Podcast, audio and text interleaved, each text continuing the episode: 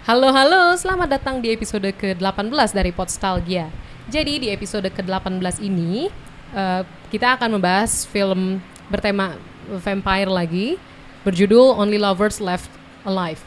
Namun sebelum kita lanjut ke trailer atau cuplikan film dari Only Lovers Left Alive, izinkan gue untuk memutarkan sebuah lagu dari sebuah musisi, bukan sebuah juga sih sebenarnya dari seorang musisi Indonesia yang sangat aspiring dan sedang berkembang. Here is Hilang Ke mana by Ranupani. Masa-masa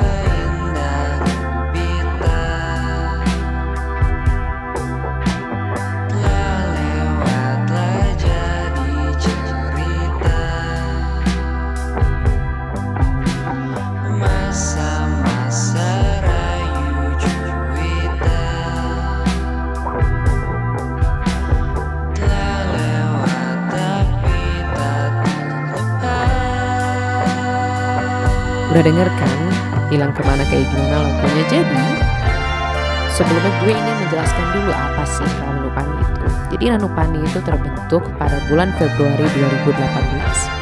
Ranupani merupakan sebuah proyek pribadi yang digandrungi oleh Upi sebagai vokalis atau gitaris. Tapi kalau dalam format manggung, Ranupani itu mengajak Ihsan di bass, kemudian ada Mirage di drum, di drum, dan Haidar di bagian synth untuk melengkapi Upi.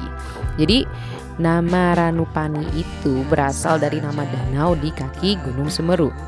Adem, tenang, kadang bisa halu juga. Dan lagu dari Hilang Keman dari Ranupani ini atau Ranupani bisa didengarkan di Spotify. Langsung aja search di Google Ranupani atau bisa langsung mention ke Instagram dari Ranupani at ranupani underscore. Oke, selamat mendengarkan cuplikan film dari Only Lovers Left Alive dan selamat mendengarkan episode ke-18 dari Podstalgia.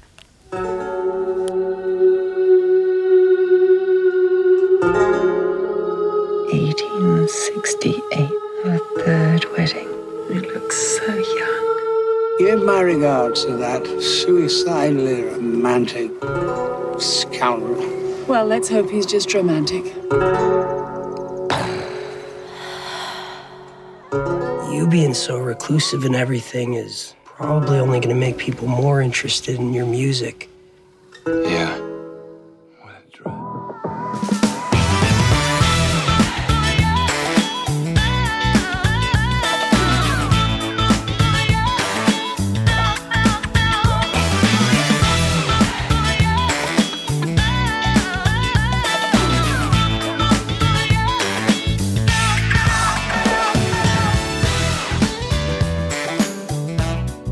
Oke, okay, that was the trailer.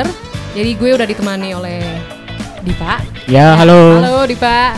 Jadi Only Lovers Left Alive ini adalah film pilihan Dipa dan langsung aja kenapa sih lo pilih film ini sebagai oh, untuk diobrolin? Kenapa ya? Pertama gue rada dalam tanda kutip gue rada fetish sama vampire mythologies gitu. Oh. Kayak gue masih uh, gue main apa? Gue main hmm? tabletop RPG namanya Vampire the Masquerade. Terus oh. gue juga suka baca uh, karya-karyanya kayak karyanya Anne Rice sama uh.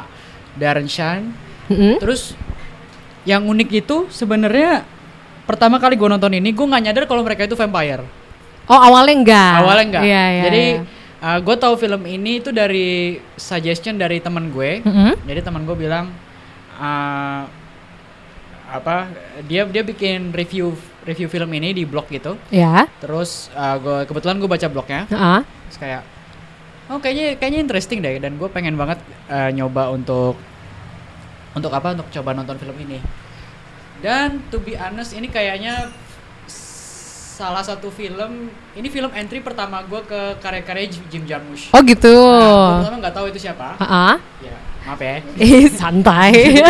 gue tuh pertama kali nggak tahu dia tuh siapa gitu kan. Uh -huh the hell is this guy gitu terus iya. kayak yeah. oke okay, terus kayak uh, ah, gue nonton itu gue inget banget gue baru pulang lembur mm -hmm. besoknya gue nonton itu hari Jumat berarti mungkin tahu setelah 2012 juga atau setelahnya enggak gue baru nonton itu baru 2015 oh baru 2015 ya 2015 uh, Ya 2015. Eh enggak, bukan 2015. Gue nonton itu 2016 malahan. Oh, 2016. Ya, gue nonton itu 2016. Ah, Terus karena terus eh, apa karena gue pertama baca blognya teman gue itu, Ah. terus akhirnya gue jadi makin tertarik.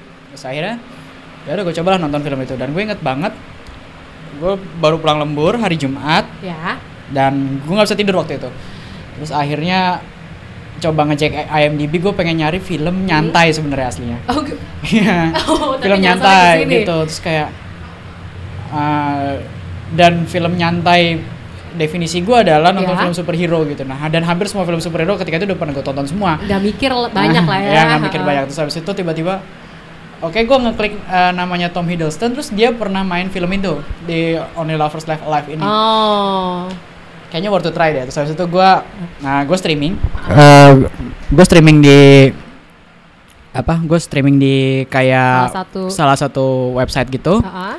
Terus kayak eh, ini ada kejadian unik lagi. Karena streamingnya itu ya streaming streaming tau lah. itu Iya. gue dapet film bahasa Inggris. Mhm. Ya maksudnya di film itu kan bahasa Inggris kan. Betul. Cuman subtitle bahasa Spanyol. Oh. Jadi gue kayak aduh nih. Jadi akhirnya subtitle gue matiin, gue dengerin aja gitu. Iya, iya, iya. And dan Mm-mm. wajar dan itu pertama kalinya gue nyadar kalau Tom Hiddleston sama Tilda Swinton itu bisa acting. Oh Kenapa? gitu. Kenapa? Karena gue tahu pertama kali tahu Tom Hiddleston itu dari pas dia jadi Loki di Thor sama sama di The Avengers. Oh. Iya. Jadi gue ngeliatnya paling he's, he's kind of superhero guy dan terus kayak yang harusnya jadi jadi villain karena mukanya ganteng rada-rada misterius gitu dan Betul. Tilda Swinton itu gue pertama film pertama kali yang gue tonton dia itu adalah Narnia sama Oh, ing, iya, iya. sama itu sama Konstantin. Konstantin. Yang menurut gue itu kayak itu kayak nggak perlu acting deh kayaknya. Iya, iya, iya. Eh, he's Dua just film be- itu eh, ya. She's just being her. Itu udah cukup kayaknya. Betul, betul. Apalagi Cuma kan- di film ini Mhm. eh, apa kayak kayak gue gue itu kayak ya gue nonton film ini kayak di malam yang sama juga gue kan nonton itu kayak nonton itu dua kali Ya. sampai gue akhirnya bisa ketidur bisa bisa tidur gue baru tidur tuh subuh gitu kebetulan hari Sabtu juga kan Oh, oke. Jadi santai ya. Nah, baru gue kayak ngeliatnya kayak em, Mungkin karena lo mikirnya mereka tuh udah villain, villainnya yang film-film yang populer ya. Ah, apalagi uh, sorry ya Tilda Swinton tapi menurut gua lu tidak cocok jadi ancient one.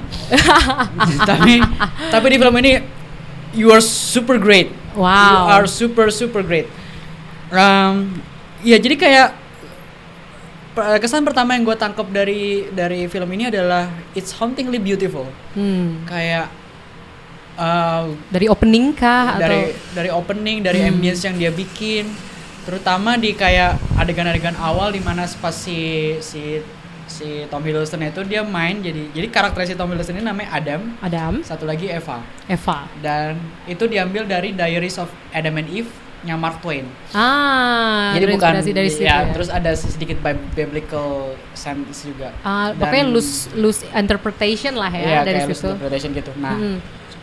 Dan apa dan gue ngeliatnya kayak gini uh, biasanya kita uh, pertama kali gue karena gini karena ini bukanlah film kayak di mana vampir itu kelihatan banget bentuknya vampir tapi Betul.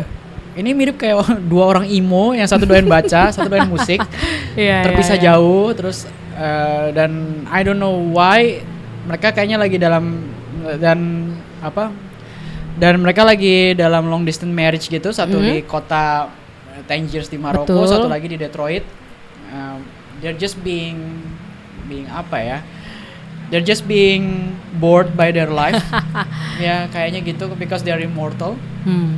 Tapi itu kita belum tahu persis Iya, kan kalau mereka itu vampire. Iya. sebagai vampire sampai ada salah satu ini boleh spoiler alert nggak nih Eh, dikit aja deh.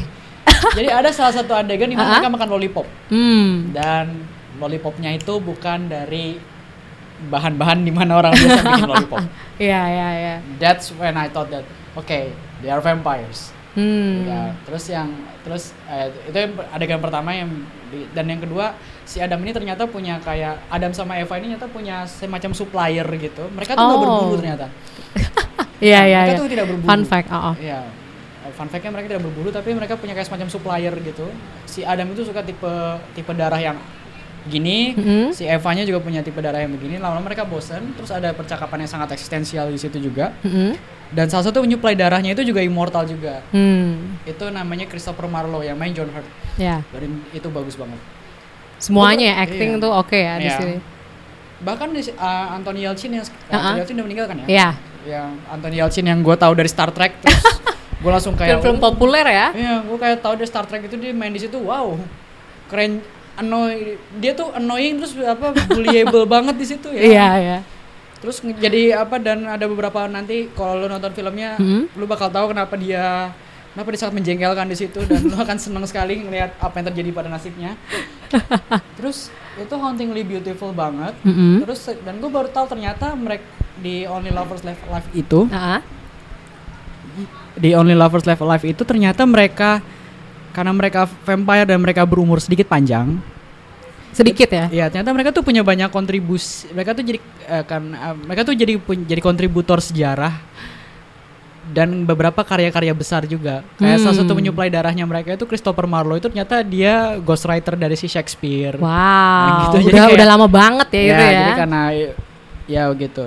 That's that's the that's the positive trait of being immortal. Negatifnya ya karena nah itu tadi existential crisis gitu dan itu menurut gue jadi kayak gue jadi ingat eh, mungkin ini beda film sih. Hmm. Gue jadi ingat kayak eh, di mungkin eh, beberapa ada yang familiar sama Lord of the Ring pasti kan. Ya. Nah, di Lord of the Ring itu pernah bilang manusia itu sebenarnya keren loh. Dia itu dikasih anugerah dari Tuhan, dia bisa mati. Iya. Ya. Walaupun manusia ngelihatnya kayak kenapa sih gue harus Iya, mati kan? harus mati kan. Dan kisah-kisah manusia ya, malah nyari pengen immortal. ah. Kebalikan. Tapi ternyata itu malah itu jadi jadi strength-nya kita sebenarnya. Jadi kayak lu bisa living the moment semua momen jadi precious buat lo. Apa hukum waktu itu jadi ada Mm-mm. dan berbagai macam lainnya. Apa jadi hukum alam itu jadi berlaku buat lo. Betul, betul. Dan di Only Lovers Left Alive itu kayak nah itu yang pertama yang gue suka terus yang kedua tuh kayak banyak banget apa kayak referensi-referensi ke sastra-sastra dulu. Yang klasik Kayak- ya. ya kayak misalnya si si Eva ini kan suka banget baca kan. Itu banyak banget dia tuh baca buku yang sastra-sastra klasik. Dan dia Iya. tuh karena mereka immortal tadi yang gue bilang mereka tuh jadi kontribusi sama itu. Dan itu keren. Dan ini ya that this this film is hauntingly really beautiful. Terus em, ya gue juga gue juga kalau menurut gue kalau misalnya gue dikasih kesempatan untuk hidup abadi gue juga mungkin akan sebosan Adam juga sih mungkin. setuju sih, setuju Nah, banget. ya kan dan ada plot twist juga akhirnya mereka jadi memutuskan untuk kembali more vampires than more than human being Ya, Oh. ternyata being human being itu buat orang yang mungkin bukan human Ah, ah. itu mungkin juga sejenis curse tersendiri loh menurut gue ya karena Karena apa tuh? menurut gue gini ketika lu vampire lu punya certain punya certain apa ya lu punya beberapa kebutuhan yang mungkin hanya bisa terpuaskan ketika lu mengembrace si vampire lu bukan manusia lu Hmm. nah di Only Lovers Left Alive ini mereka terlalu manusia untuk bisa dibilang vampire Apa karena punya traits-traits yang lebih human? Iya, ah, karena mereka misalnya kayak ya they're they're contributing to popular culture Ya. to History. arts, iya, to history gitu-gitu that's more that's not a that's not what predatorial things do Bener, Kayaknya bener, bener, menurut bener. gue. Iya, iya. mereka tuh terlalu civilized untuk jadi vampire dan itu kayak bikin apa ya bikin ada ada sejenis kegelisahan eksistensial gitu di mereka Hmm. dan itu yang dicoba digali sama di film ini sih Itu- itu yang pertama yang kedua ternyata si Jim Jarmusch ini punya eh bukan Jim Jarmusch kayak ada band gitu namanya SQ SQRL Ya. Lu bisa cek di Spotify Mm-mm. Eh, ya lu bisa cek di Spotify itu jadi pengisi apa ya? Pengisi soundtracknya di film itu hampir dari awal sampai sampai akhir tuh. Wah itu soundtracknya mereka semua dan itu keren banget. Dan gue jadi jadi suka dengerin itu kalau misalnya gue lagi lagi ngerjain ngerjain apa? Ngerjain kerjaan malam-malam Ah. atau apa. Ya film ini captivating banget sih buat gue gitu dan gue ternyata apa sebagai sebagai orang yang yang gue taunya vampire itu cuma dari sisi yang sangat-sangat predatorial gitu. Iya. Jadi gue jadi tahu nih, ternyata mereka eh, bagaimana sih kalau misalnya vampire itu dibikin melankolis dan Jim Jarmusch itu bisa ngeramu itu dengan sangat baik sih. Menurut gue. Mungkin kalau misalkan Jim Mhm. Jarmusch juga terutama karena ada mereka ada hobi yang sangat manusia nggak sih maksudnya Hmm. sangat human kayak misalkan Tom Hiddleston tuh dia di awal kan udah diliatin dia maniak sama gitar kan dia Iya, bisa ah. bisa Benar. ini gitar A ini adalah ciptaan ini loh Yap. ya kan terus tadi Hmm. yang lo bilang juga Tilda Swinton siapa tokohnya gue lupa tadi Eve, Eva, Eva Eva itu. Eva itu juga dia kan Si sangat Eve. um, attracted ya sama karya-karya sastra lama Nah. dan dia immortal jadi kan dia sebenarnya pengetahuan sastra itu udah banyak banget kan Iya. bener-bener Ya itu yang men ya menurut gue juga mereka mungkin harus mengembrace itu sih. Kalau nggak Hmm. mungkin hidup mereka uh, bagaimana ya? Gue juga mungkin mungkin ada sisi itunya juga sih yang bisa digali juga kayak misalnya gimana kalau mereka dari awal udah memutuskan untuk sangat vampire gitu. Mereka kan mereka kan menghabiskan hidup mereka cuma bakal buat makan sih. iya sih dan mungkin dia nggak bisa fit in sama manusia jadi ya kan betul. dan itu juga mungkin jadi alasan kenapa Aha. mereka punya hobi manusia ya mungkin Yap. selain karena mereka enjoy Aha. karena mereka harus fit in Yap. untuk bisa hidup dan sebenarnya kayak manusia juga Mhm. walaupun terbatas hidupnya mortal tapi dia butuh hobi Yap, butuh sebuah betul. interest kalau enggak ya nanti yang seperti lo bilang tadi existential crisis bakal muncul terus Aha. Apa yang terus kalau menurut gue yang yang gue suka sama film ini Mhm. juga itu ya gue gue seneng gue seneng rambutnya Tom Hiddleston di situ. gue pengen gondrong lagi jadinya. Kayak- tapi kalau pas Loki nggak nggak ke itu ya tidak terlalu Loki pengen gondrong terlalu. oh oke Ya, jadi kayak ya maksud gue gue kayak ngeliat mereka jadi bisa oh mereka tuh bisa acting ya ternyata Iya, ya. iya. Terus kompak lagi maksudnya chemistry-nya ada kan Iya chemistry-nya ada gitu. Teman gue aja ada juga yang nonton film ini dan mereka tuh Mhm. dan dia merasa kalau sebenarnya itu cowok pacaran sama cowok sebenarnya. Jadi cowok Oh. pacaran sama cowok androgini gitu. Iya, iya. Iya, itu kayak gue gitu. harus bilang setuju sih. Iya kayak gitu. Ya mungkin karena Karena dandanannya mungkin serupa kali ya. Ah, serupa banget. Terus ada kayak ada beberapa adegan yang menurut gue tuh wow. Ya dibilang erotik Mhm. juga ada, tapi itu keren banget sih dikemas ya. Soundtracknya sih yang paling juara kalau menurut Oh, gue. lu seneng soundtracknya dari Iya. awal sampai habis. Si SQRL sama Aha. Joseph Van Wisem itu ngeramu soundtracknya itu bagus banget sih. Entah Jadi dari feel mungkin atau mungkin dari liriknya. mereka tuh kayak uh, nyampur apa beberapa alat musik Mhm. alat musik Timur Tengah gitu kayak ya alat musik Sitar ya. ya kayak sitar terus kayak ada lira juga terus ada Hmm. beberapa uh, dia mereka juga pakai lute juga gitu lute player ya, gitu ya, lut. uh, itu betul. uh, ya maksudnya Eropa Mediterania gitu itu juga mereka pakai terus jadi ya bikin kayak wow this is not a vampire movie anymore kayak menurut gua ya dan it- dan itulah yang mungkin menurut gue kayak oke kayaknya I will try to watch another Jim Jarmusch movie juga sih Itu yang Kalau- bikin lo tertarik sama Jim Jarmusch ya. Tapi Iya. mungkin kalau Mediterania mungkin eh, kan vampire setahu gue tuh Ah. ada awa- ada yang awalnya dari Romania kan dan Yap. Romania menurut gue juga masih dapat culture culture Roman. Hmm. Maksudnya yang bagian Mediterania mungkin ada nggak sih pengaruh dari situ? Musik-musiknya kenapa bisa seperti itu? Apa Hmm. agak Mediterranean? Kalau kalau apa? Kalau menurut gue sih kayak mungkin ada, tapi gue kurang tahu apakah memang disengaja sama Oh, si iya. Jim Jarmusch atau Betul, enggak. betul. Cuman kayak kalau menurut gue sih sebenarnya yang bikin vampire mitologi itu menyebar ke Eropa itu ternyata tidak, tidak hanya orang Eropa juga, tapi ketika situ ya. Ottoman Empire juga Hmm. juga lagi lagi seneng-senengnya nyaplok Eropa itu juga mereka juga banyak mencipt, apa menciptakan mitologi kayak gitu karena karena gini apa ya Romania itu as as a place atau eh, sebagai sebuah region itu sangat susah dibuat ditaklukin banyak gunung Betul. cuacanya nggak jelas Iya. terus Justru tidak grimy, terstruktur kan malah. gloomy, dark Iya. something Dan gypsy kan banyak dari situ juga ya Iya, sebenarnya ya. Mungkin ya kayak- kayak maksudnya kayak akhirnya kayak yang kayak gitu itu bikin kayak banyak mitologi yang akhirnya lahir dari situ juga sih Hmm. dan itu menurut gue kayak ya gue nggak tahu apakah itu ter, ter apa Terlindung. ada di di Jim Jarmusch atau enggak cuman kayak gue ngerasanya bahwa ya mungkin sedikit banyak mungkin berpengaruh juga sih dari situ ya. Iya. Tapi kalau kalau menurut lo da- si vampire ini kan emang yang satu ada dari Tangier ya, ada yang Aha. satu di Detroit. Itu apakah mereka sebenarnya udah pernah bersama mungkin di Detroit cuma Ah. karena mereka mungkin kayak bosen terus yang satu pindah ke Tangier kayak latar belakang. Iya. Hmm, sebenarnya kalau latar belakangnya eh, iya, kalau kalau latar belakangnya masih gue kurang gue kayak lupa lupa ingat juga sih. Tapi kayak Ah. seingat gue mereka itu memang semacam kayak long distance marriage gitu. Iya, Ya betul. kan sempat berpisah. Mereka sering sempat bareng-bareng juga di beberapa tempat. Mm-mm. Tapi eh, beberapa kali juga kepisah juga karena mungkin ketertarikannya beda. Ya. dan umur panjang mungkin Hmm. mereka Tapi yang gua, bosen gua juga. heran itu itu kayak couple life goal banget sih kayak menurut gua, lu bayangin lu kepisah jauh gitu tapi Iya, gak iya. selingkuh sama sekali wah mantap Dan selama eh, itu. itu keren banget dan lu dua-duanya immortal gitu Iya kan. iya iya. iya. Ya. Mungkin karena mereka udah bener-bener Aha, uh, invested sama hobi masing-masing juga nggak sih? iya Bisa jadi. dan gue juga mungkin mungkin nih karena mereka immortal jadi kayak mereka ya gue juga nggak bisa cari pasangan yang kayak lu lagi sih kayak Betul. mungkin lebih kayak gitu juga kan Iya iya iya. Ya. Apa mungkin ada hubungannya kalau gue kan uh, beberapa episode kemarin tuh ngomongin Twilight ya. Ah. Dan temen gue ngomonginnya dari sisi novel jadi lebih detail. Hmm. Dan dia bilang kalau misalkan vampire itu ya kalau misalnya udah match ya dia nggak bakal selingkuh gitu. Apa sebenarnya itu di Twilight aja?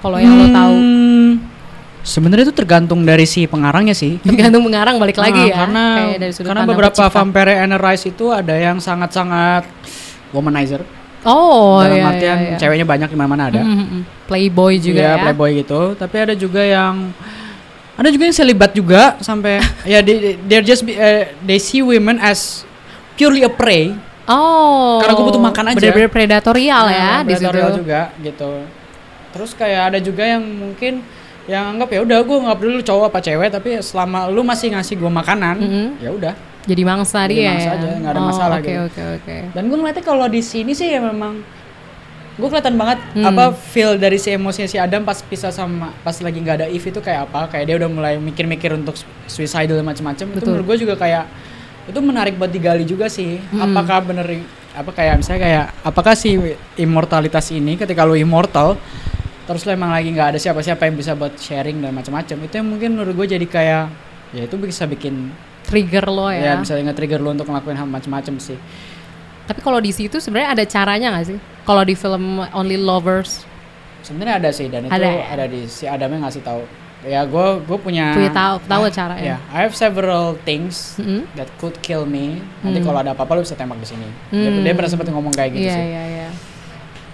Sampai akhirnya ya eh you can watch it yourself. Nanti uh, tell me about the ending gitu. Kalau menurut lo nih film ini cocok buat eh, siapa sih? Emang sih film personal ya, cuma maksudnya ada preferensi-preferensi kan. Maksudnya Yep. secara general, Hah? film ini menurut lo cocok untuk orang-orang mungkin yang senang sama vampire kayak lo atau mungkin senang yang apa ya ibaratnya yang penuh mitologi gitu loh. Ini kan sebenarnya eh betul penuh mitologi vampire juga Aha. kan, walaupun sebenarnya human banget. Nah, Apa senang yang band juga gitu loh. oke. Kalau menurut gua lu bisa ngelihat film ini sebagai se- seperti lu menikmati film-filmnya Wong Kar-wai sih. Hmm, Kasih lebih dark aja. ya Karena kalau Wong Kar-wai kan main di warna kan. betul warnanya bagus-bagus banget. Gua Tone-nya bahkan- membangun. Bahkan gue kalau misalnya nih uh, jadi jadi keluar sedikit. Nah, Kalau Only Lovers Left Alive, gue bisa menikmati itu tanpa nonton layar sebenarnya. Oh. gue bisa melakukan itu sebagai audiobook. dan lo pernah nyoba? Dan gue pernah nyoba. Wow, dua kali ntar gue coba deh. Terus kayak gue bisa kayak cuman ya gue kayak kayak dengerin podcast atau dengerin audiobook aja Iya gitu. iya iya. Tapi kalau filmnya Wong Kar Wai, gue harus nonton itu dan dan gue punya dan beberapa filmnya Wong Kar Wai itu gue mute. Oh gitu. Iya, filmnya tuh gue mute. Iya, gue iya, cuma iya, nikmatin iya, gambar iya, aja. iya, ya, iya. either ngeliatin Maggie Chung-nya atau gimana. tapi tapi gue literally cuma nikmatin gambarnya doang dan Heeh. gue bisa kayak wow. Iya iya. Ya, gitu. Tone-nya sudah berbicara ekspresi mereka kan. Iya, jadi kayak ya filmnya apa? Subtitle gue matiin, filmnya gue mute. Gue kayak suka eksperimen kayak gitu juga sih. Tapi Hmm. Wow, kayak ada menarik beberapa, menarik. ada beberapa film yang kadang gue malah bisa nikmatin kayak gue nggak perlu liat layar ya, gue cukup dengerin aja dari itu. Dan salah satunya ini Only Lovers ya. Iya, Only Lovers Left Alive tuh gue bisa kayak gitu. Nah, Mm-mm. Walaupun Iya, walaupun ada soundtracknya oh, dari band juga ya, tapi bandnya itu justru mendukung suasana Ah, film. Iya, cocok juga sih. Nah, oh ya, gue ada ada dua karakter yang menurut gue juga juga keren juga sih. Ah. Terny- Ternyata si nah, nah, ada karakternya si Mia Wa- Wasikowska itu Mhm. juga, wow itu menurut gue juga. Oke, lu bisa bayangin vampire lagi puber-pubernya, dah. lu bisa lihat gimana cara dia bertingkah laku kayak gitu. Dan Lagi puber ya. Iya, lagi puber-pubernya dalam tanda Jadi ibaratnya exper- uh, experience belum banyak gitu. Ya. Maybe he, he, he- she's going to be immortal tapi mungkin tidak selama si Adam atau Eve mungkin. Ah, nah, jadi kayak si ini dia, dia mainin karakter namanya Eva itu dan itu menurut gua kayak bukan ah, enggak gua nggak bisa bilang comedic relief tapi itu kayak ngingetin gua kayak oke uh, imagine you are immortal and you have a you still have a little sister Heeh. atau lu masih punya little apa adik gitu. Ha-ha. Dan ya lu bisa bayangin lah gimana. Iya itu. masih perkembangan untuk menjadi dewasa ya. Nah, nah itu keren banget. Apa mungkin lu sebelumnya nonton Mia di film apa? ada ekspektasi lain nggak? Um, Karena kan Mia- dia Alice in Wonderland ya, Ah. Mia Wasikowska. gua gua nggak ada ekspektasi sih kalau buat Kalau dia nggak ya? karena nggak terlalu ngikutin kan Ah. cuman gua kayak tapi itu Tom Hiddleston sama Tilda Swinton tuh kayak wow ternyata mereka bisa acting Terus tadi kan lo bilang dua selain Mia, Ah, karakter lain. ada itu yang karakternya Anthony Yelchin sama Oh. John Hurt itu menurut gua kayak wow itu juga they're not just supporting character tapi mereka Hmm. tuh benar-benar blend banget sama si sama film itu sih jadi kayak menurut ya. gua kayak misalnya pas si Anthony Yelchin ini Hmm? apa karakter kalau karakter Anthony Yelchin nggak ada ya mungkin filmnya nggak bakal semenarik ini sih Mm-hmm. Oh gitu, bener-bener ngasih peran besar ya kalau Iya. menurut lo ya. Aha. si Anton Yelchin ini. Yep. Terus kalau kalau misalkan lo kan tadi bilang audiobook, apakah sebenarnya visualnya menurut lo tidak seoke itu film ini? Hmm, bukan sih cuman kayak gue mencoba untuk menikmati ini dari sisi lain aja sih Oh dari sisi lain. soalnya ada beberapa teman gue yang Ha-ha. Yang sangat suka sama visualnya terus kayak suka Hmm. sangat suka sama penggam- penggambarannya sinematografi dan macam-macam tapi kalau gue kayak ngeliatnya bukan biasa aja sih tapi kayak ada yang lebih bagus ada yang lebih bisa gue nikmatin lagi dibandingin ini tapi kalau kalau dari ambience-nya suaranya itu ini juara banget sih untuk ambience ya. Nah. Dan iya walaupun tadi musiknya band ya nggak sih, Mhm. maksudnya OST-nya beberapa band juga tetap bisa enjoy Iya. ya justru. Dengan dialog terus dicampur-campur itu Yep. malah membawa. Dan lu tetap paham maksudnya. Kan tapi lu posisi udah pernah nonton sih. Aha. Cuma misalkan orang yang ibaratnya belum pernah nonton terus coba eksperimen kayak lo, menurut lo bakal ngerti nggak? Menurut gua ya tergantung sih. Kalau mungkin dia, dia- kalau dia biasa sih mungkin bakal cepet. Tapi kalau tapi kalau saran gue sih kalau mau eksperimen kayak gitu lu nonton aja dulu full. Heeh. Ya ya nggak nggak nggak semua teman gue juga suka juga kayak ada beberapa yang "Ini ngantuk banget dip oke. Ah, oke. Ya tergantung juga sih. Tapi kalau gue eh, kenapa film ini gue suka ya karena itu tadi banyak alasannya juga kan. Kayak, Heeh. Ya salah satunya itu ini adalah yang pertama gue ke Jim Jarmusch ini. nih. Oh ini. Tapi emang gue mungkin bisa nangkep sih kenapa temen lo bilang agak ngantuk karena di awal-awal itu musiknya menurut gue dan tampilannya agak meditatif sih. Iya. Kayak udah Iya, iya, gue musiknya instrumental yang apa beragam alat musik ya terus dia muter kan awalnya tuh Tilda Swinton lagi tiduran terus lagi muter itu menurut Iya. gue kayak wow ex- experience yang cukup Iya. apa ngasih gue untuk refleksi gitu loh jadi kayak gue malah jadi mikir ini kira-kira kenapa terus apa yang akan terjadi selanjutnya jadi emang penasaran sih Yap. kalau menurut gue Hmm. di adegan itu tapi kalau menurut lo dari film ini selain mungkin aktor mungkin dari background cerita Hah? apalagi sih yang bikin lo uh, suka banget sama film ini yang bikin gue suka banget sama film ini adalah pertama Mm-mm. ironis juga sih kita harus dikasih tahu kegelisahan eksistensial itu dengan metafor seorang vampir. setuju itu itu a good Ya, point Itu menurut betul, gue betul. itu menurut gue kayak jarang banget dan Mm-mm. dan itu kayak apa ya? Gue ngelihatnya gini loh, ada be- em, gue ngeliat satu suka musik, satu suka sastra. ah Di dunia yang kayak gini, yang mungkin orang tidak terlalu banyak yang mengarah ke situ, hmm. atau akhirnya kalaupun mengarah ke situ mereka harus bikin komunitasnya sendiri tuh kayak semacam lu berlari dari kesepian yang yang lama ke kesepian yang baru sih. Kalau menurut gua kayak gitu. jadi escape-nya justru malah Iya, bukan ha. escape ya Iya, sebenarnya kayak- jadi kayak bukan escape. Terperangkap lagi. Kayak, kayak ironis aja sih kalau menurut gua. Well, doesn't mean that what they're doing, what they did is bad, and what, what they what we did is bad. Cuman kayak Iya. menurut gua kayak itu pro- problem orang modern kayak sekarang sih. Lu banyak tahu, Hmm. lu banyak dapat informasi, tapi kadang lu susah untuk nyari orang yang satu frekuensi sama lu. karena terlalu banyak pilihan itu juga nggak sih Iya kan, terlalu banyak pilihan juga kan. jadi lo makin bingung kan Nah, dan imagine you are being immortal with that. Terus kayak ya menurut ya ya gitu aja sih menurut gue kayak eksistensialis banget kan. benar-benar Nah. setuju sih Gue itu yang bikin gue kayak ya film ini rada mikir rada bikin mikir juga. Mm. Biasanya gue punya renungan eksistensialis itu dari film-film silat sebenarnya. oh film-film silat Iya.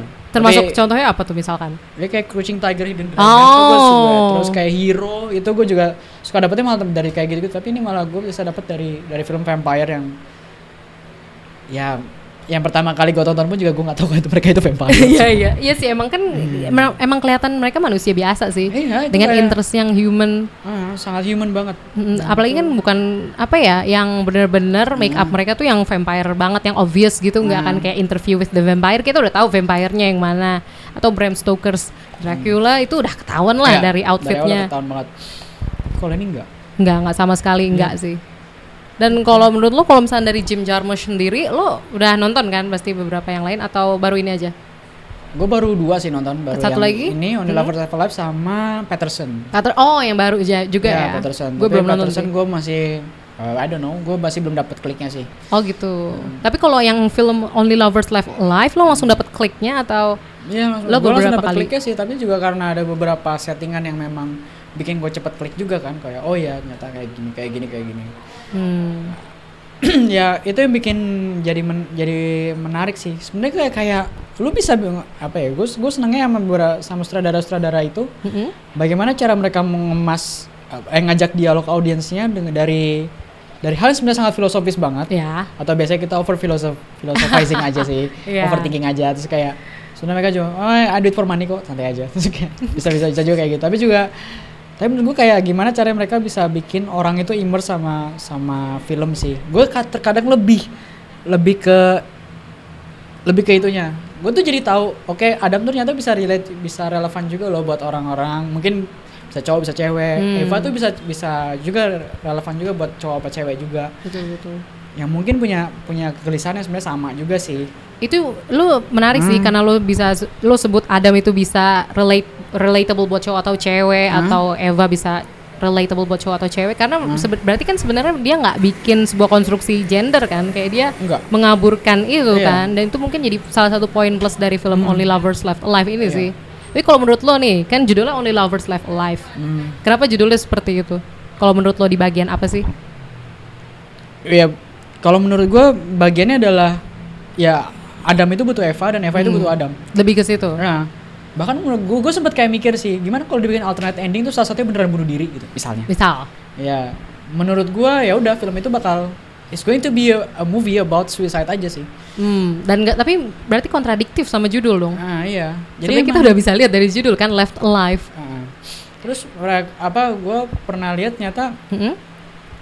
itu tuh sebenarnya kayak ternyata ternyata Only Lovers Left Alive itu diambil dari sebuah novel juga tahun 60-an Oh, jadi ini Ah. uh, adapted ya? Bukan adapted sih jadi kayak diambil judulnya doang Oh, lus. Oh, iya iya. karena iya, iya, novel iya. itu sebenarnya lebih cerita ke di mana adult itu udah pada mati dan semua dun- dan dunia itu dipimpin sama geng remaja Oh, gitu. Dan no adult just teens itu kenapa ya adult mati apa ya because some By kind of virus atau ya kayak gitu-gitu Dan hanya menyerang adults. Da- dia particularly gone hmm, terus cuma aja mana ada teens doang dan teens itu stop growing ya. and they are terus mereka bikin geng Mm-mm. ya suka-suka aja lu mau ngapain ya just do what what teens do Iya. dan ini menurut gue yang bikin nah dia tuh baik banget masukin metafor-metafor kayak gitu menurut gue kayak On Lovers Have Alive tuh diambil dari novel terus Oh. kayak nama Adam dan Eva dari dari dari mitologi biblical sama novel juga Betul. terus em, pas si pas si siapa si Eva itu pergi dari Tangiers balik ke Detroit itu Hah? dia pakai nama Fibonacci itu unik juga sih menurut gue. Terus lu kalau lihat kamarnya Eva itu juga lu bisa lihat kayak ada lukisan dari dari sa- salah satu pelukis zaman Renaissance menurut gua. Wow, ya iya gitu. iya. Dan itu udah hidup kan dia. Nah, Mm-mm. dan mereka tuh dan they are they are being there gitu kayak Mm-mm. they are in every moment gitu kayak they are not apa ya they are Berarti secara langsung supporting humans ya? iya sebenarnya kayak secara langsung gak langsung Mm-mm. they are observing human Mm-mm.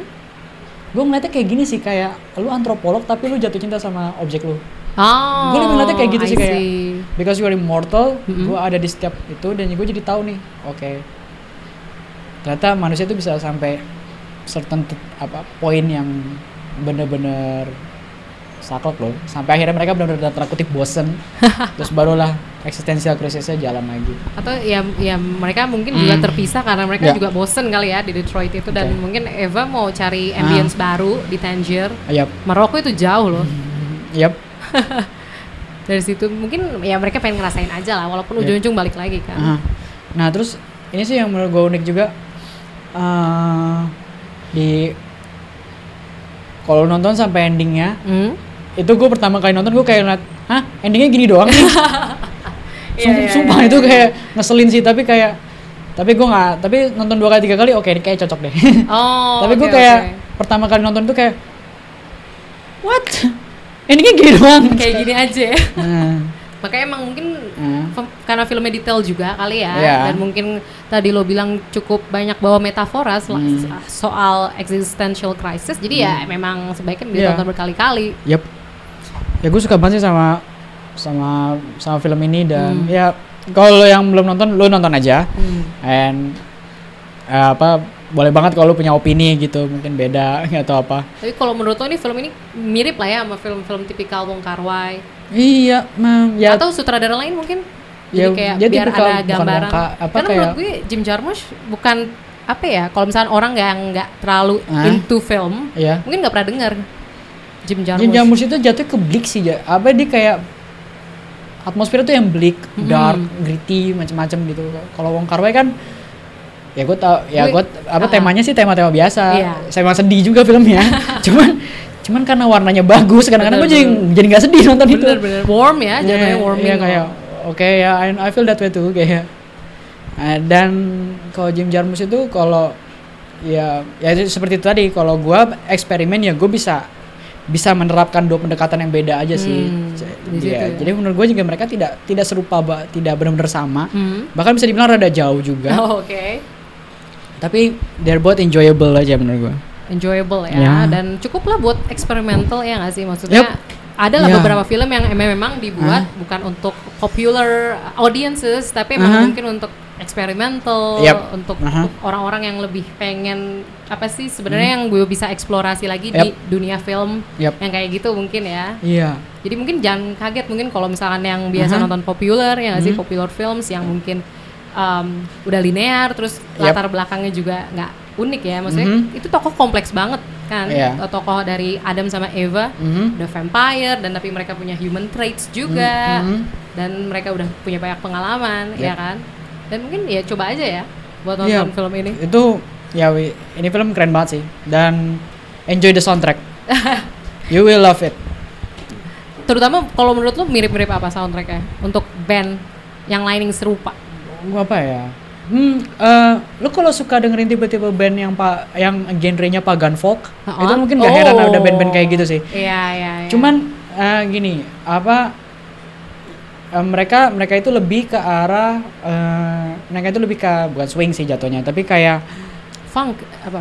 bukan funk, tapi kayak Trance lebih lebih klasik gitu? trance gitu-gitu Hmm. yang lebih yang emang gimana caranya lu ngebangun ambien aja sih. Iya, Apalagi kalau pas setuju. yang SQR SQRL itu Mhm. eh, ngeramu musiknya sama si Joseph Van Wissemnya itu ngeramu musiknya itu juga kelihatan banget sih. Gimana caranya mereka pengen they want to talk to their audience through the music juga. Ah, Nah. Ya, tapi kalau lu biasa dengerin kayak tipe-tipe pagan folk gitu-gitu kayak ya mungkin lu nggak bakal terlalu heran sih. Ya bener sih. Atau mungkin yang mungkin nggak biasa denger pagan folk, yang nggak sih yang experimental musicnya mungkin ini bisa jadi pengalaman perdana lah ya. Yap. Yang untuk Bener menjadi banget. entry gitu loh untuk Ya. untuk nyoba Jim Jarmusch, untuk coba denger yang pagan folk, Aha. mungkin untuk pengenalan ke film vampire. Yap. Ya kan? Maksudnya nggak cuma Twilight mungkin. Ya. atau mungkin Bram Stoker's Dracula, Dracula. mungkin cobalah ini kan karena ini cukup unik juga Iya, sih Betul. dan ini diakui juga kan di awards dia dapat nominasi Palme d'Or Yap. terus dia Mhm. uh, kritikus gue lupa apa lembaganya ini dipilih sebagai salah satu film yang cukup berpengaruh Oh ya. 100 film yang cukup berpengaruh di dunia ya yang udah Yap. diciptakan dan lo lo setuju gak kalau lo sendiri Ya eh, setuju sih ya setuju banget sih menurut Oh. gua. Dia emang maksud gue eh, kalau gue ngeliatnya kayak dari pengalaman pribadi aja sih kayak gue yang ter- tadinya nggak tertarik sama sekali. and and just just uh, the kind of guy who browse the internet at the midnight Iya, after iya, works iya. terus lu bisa lu bisa kayak lu bisa falling in love gitu sama sama film yang haunting haunt, haunting Hauntingly Beautiful hauntingly itu ya. beautiful gitu kayak not and kayak nggak nggak semua orang bisa kayak gitu sih nggak semua sutradara bisa bikin kayak gitu sih Hmm, betul betul Hmm. Oke, Yep. uh, mungkin last words dari lu tentang film ini. Udah sih tadi cuma mungkin mau Aha. di recap. mungkin kalau buat gua gua gua kutip dari dari itu aja deh dari dari judul filmnya aja Ah. ya uh, if you want to live long and immortal, Ya. ya only lovers left alive. Jadi kayak Oh. ya try to love yourself atau love another things that you that you see Mm-mm. that you experience menurut gue ya karena mungkin itu yang mau disampaikan only lovers left alive gitu Wow, menarik sih. Iya. Iya, iya, iya. Good. Mas- Menurut gue itu cocok sih interpretasi yang sangat Iya. cocok sih dari yang lo katakan. Thank you banget Dipa udah join di Podstalgia Ya, ini. sama-sama. Terima kasih Thank juga udah you. diundang. Mungkin buat teman-teman yang mau Ya. ngobrol-ngobrol lagi gitu so- Hmm. ke Dipa atau yang ngomongin Jim Jarmusch mungkin Hmm. atau film ini mau komentar bisa mungkin bisa di reach di Instagram.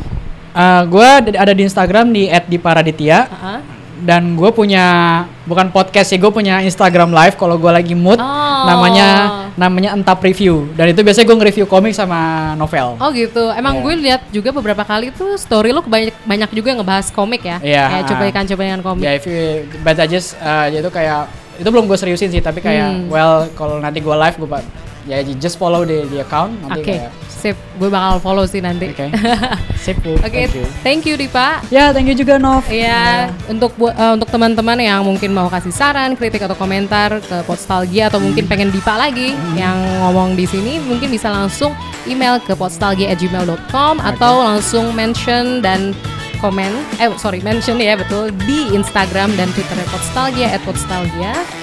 Oke, that was it for episode 13.